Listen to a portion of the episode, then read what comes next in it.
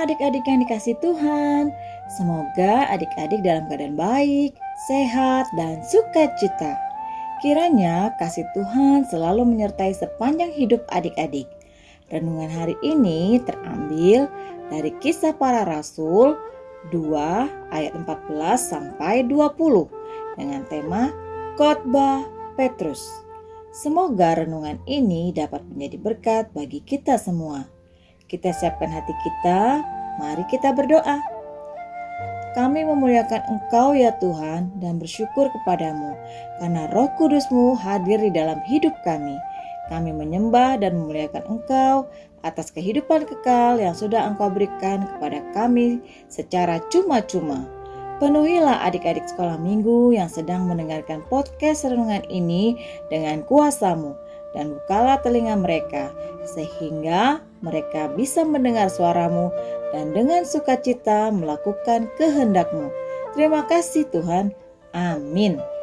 Kisah para Rasul 2 ayat 14 sampai 20. Khotbah Petrus. Maka bangkitlah Petrus berdiri dengan kesebelas rasul itu dan dengan suara nyaring ia berkata kepada mereka, "Hai kamu orang Yahudi dan kamu semua yang tinggal di Yerusalem, ketahuilah dan camkanlah perkataanku ini. Orang-orang ini tidak mabuk seperti yang kamu sangka, karena hari baru pukul sembilan. Tetapi itulah yang difirmankan Allah dengan perantaraan Nabi Yoel. Akan terjadi pada hari-hari ter terakhir, demikianlah firman Allah, bahwa aku akan mencurahkan rohku ke atas semua manusia maka anak-anakmu laki-laki dan perempuan akan bernubuat dan teruna-terunamu akan mendapat penglihatan-penglihatan dan orang-orangmu yang tua akan mendapat mimpi. Juga ke atas hamba-hambaku laki-laki dan perempuan akan kucurahkan rohku pada hari-hari itu dan mereka akan bernubuat dan aku akan mengadakan muzizat-muzizat di atas, di langit, dan tanda-tanda di bawah, di bumi, darah dan api, dan gumpalan-gumpalan asap. Matahari akan berubah menjadi gelap gulita, dan bulan menjadi darah sebelum datangnya hari Tuhan, hari yang besar dan mulia itu. Demikian bacaan firman Tuhan hari ini. Adik-adik, saat Roh Kudus turun ke atas para murid Yesus, mereka menerima kuasa yang dijanjikan Tuhan itu. Sejak saat itu, perubahan besar terjadi. Petrus yang pernah menyangkal Yesus sebanyak tiga kali dan sempat tidak percaya pada kebangkitan Kristus setelah menerima Roh Kudus, mengalami suatu dalam dirinya Petrus dengan penuh keberanian bangkit dan menyampaikan kebenaran firman Tuhan dan menyatakan kepada semua orang tentang Yesus Kristus yang telah mengalahkan maut dan bangkit dari kematian. Dengan penuh keberanian, Petrus berkata, "Dan barang siapa yang berseru kepada nama Tuhan akan diselamatkan." Dengan kata-kata yang sederhana, Petrus membangun dasar-dasar pengampunan dosa dan keselamatan. Bagaimana ia bisa berkata-kata seperti itu? Itu semua karena pekerjaan Roh Kudus. Roh Kudus yang mengajarinya. Karena Roh Kudus yang diutus oleh Bapa dalam namaku, dialah yang akan mengajarkan segala sesuatu kepadamu dan akan mengingatkan kamu akan semua yang telah kukatakan kepadamu.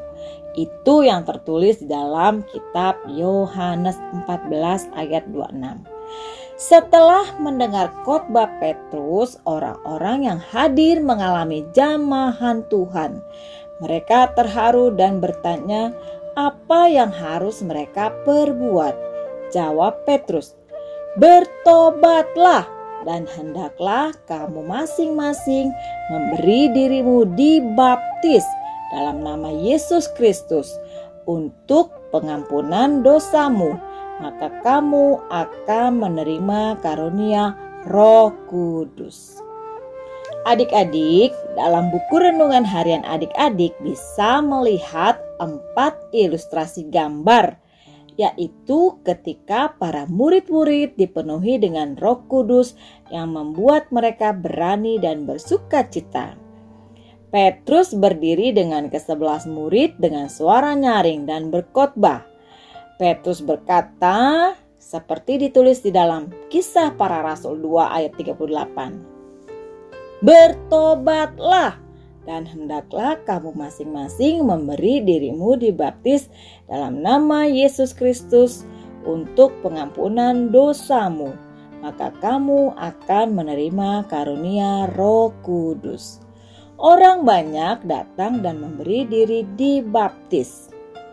Adik-adik, kita harus menyadari bahwa pekerjaan Roh Kudus adalah kuasa yang dikaruniakan Tuhan kepada gerejanya di akhir zaman ini. Kuasa untuk memberitakan rahasia kebenaran firman Tuhan. Kuasa yang diberikan Tuhan kepada anak-anaknya supaya pelayanannya berdampak bagi dunia.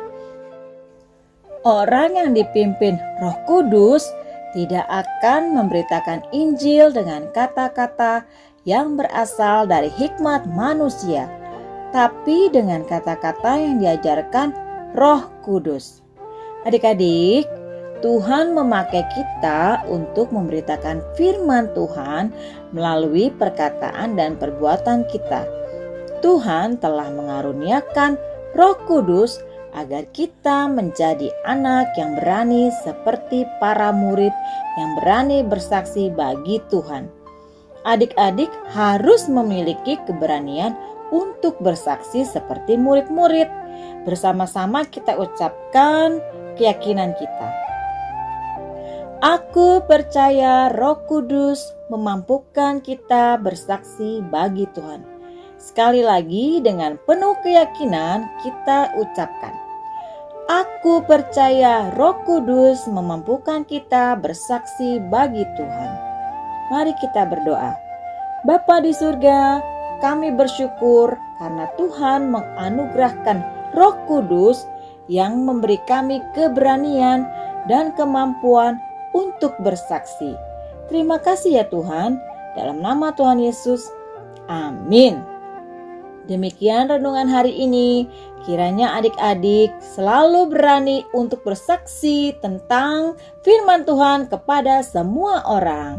Tuhan memberkati.